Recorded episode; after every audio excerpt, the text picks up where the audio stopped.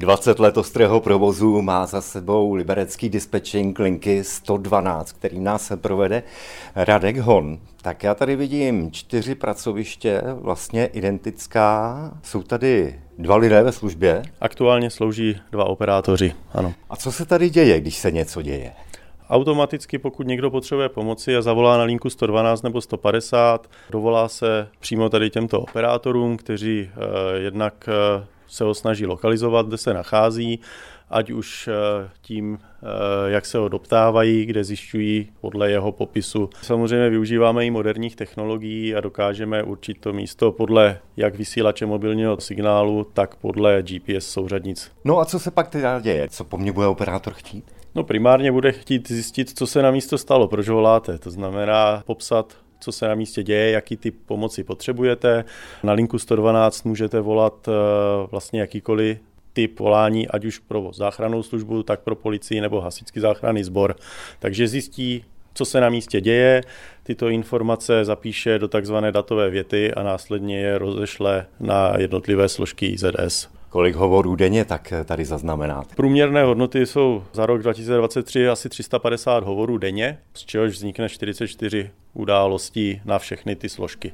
Takže těch planých je poměrně dost, jak je to možné? No, e, jsou to buď hovory, které vzniknou nechtěně, že se spustí mobilní telefon někomu v kapse, anebo to můžou být, často se stává starý vyřazený telefon, který člověk dá dítěti na hraní a to následně eh, dokáže prozvánět a zatěžovat tísňovou linku. Ono totiž vlastně na 112 se dá dovolat i ze starého telefonu, telefonu bez simky, bez kreditu. Vlastně stačí, že to má nějaký příjem signál. Přesně tak. Je to tísňová linka, která má díky těmto funkcím i svoje výhody, kdy v případě, že nemáte signál svého mobilního operátora někde na horách třeba, tak ten telefon dokáže volat a využít síť jiného operátora ale stejným způsobem, když tu SIM kartu vytáhnete, dokáže volat, i když to není potřeba.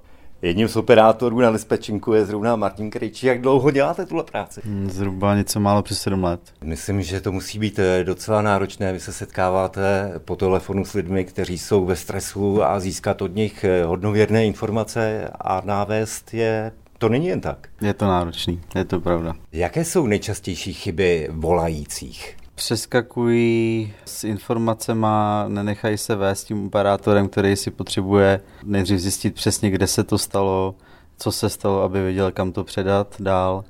Takže jsou vždycky ve stresu, jsou pod nějakým tlakem, v nějaký panice, takže ten operátor prostě musí nějakým způsobem si je uklidnit a navíst je, aby mu odpovídali přesně na ty otázky, které on potřebuje. A těm lidem ten čas utíká úplně jinak Mm-hmm. Zdá se jim všechno, že dlouho trvá, prostě, když to tak není. A takže to je asi nejsložitější. Ty lidi uklidnit a dostat z nich ty relevantní informace. Pardon. Vysíláninka, prosím.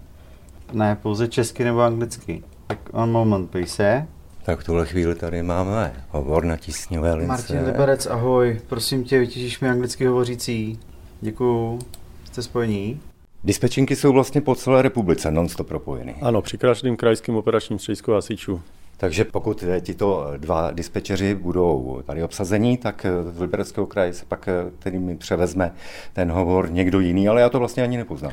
Ten oznamovatel nemá šanci poznat, že se dovolal někam jinam. Hovor se podařilo předat. Martine, co to bylo za událost? Byla to událost asi, předpokládám pro policii, turisti si stěžovali na hotel bohužel porušili pravidla checkoutu a teď to asi chtějí řešit s policií. No. To mně přijde tedy poněkud absurdní v takové chvíli volat 112, protože tady by se měly vlastně ozývat hovory jenom opravdu, když se něco stane, o něco jde závažného, o zdraví, majetek. No, je to pravda, lidi dost často to nerozlišují, tu naléhavost té situace a dost často se stává taky to, že se nějakým způsobem zbavují té odpovědnosti za tu situaci a chtějí, aby to za ně vyřešil někdo jiný. Vy to pak stejně předáte tam, kam to patří, ale zbytečně vás to zatěžuje. Tak, buď to předáme, anebo to prostě se snažíme těm lidem vysvětlit, že nevolají v naléhavé situaci a že jsou prostě určitý věci, se kterými si musí poradit sami. dobrý den. Dobrý den. Tady vlastně volat, tady na Harkovský sedlce na červený, a no. tady tím ramenem, tady uh, Německo je Vydržte se, vás spojím ještě na záchrannou službu, jo? Mm-hmm. Vy to vysvětlíte, posílám to i na hasiče, aby, tam, aby se spojili s, s službou, jo? Jo, děkuji moc. Hm. Takže takhle vypadá hovor, když se něco děje, vy předáváte teda informace z toho vašeho dispečinku na příslušné složky, v tomto případě hasiče, záchranku. Tak předáváme primárně na záchrannou službu a skrze operační středisko hasičů vyrozumíváme i horskou službu. Při naší dopolední návštěvě na dispečinku je relativní klid. Jsou v denním časech nějaká období, kdy toho je víc, kdy toho je méně? Určitě jsou hodiny, kdy lidé jezdí z práce a do práce, ten provoz je velký, je víc dopravních nehod, Určitě to jsou zajímavé dny, pátky a soboty večer, kdy se lidé chodí bavit a samozřejmě těch událostí v tento čas máme výrazně víc než každý jiný den v tu večerní dobu.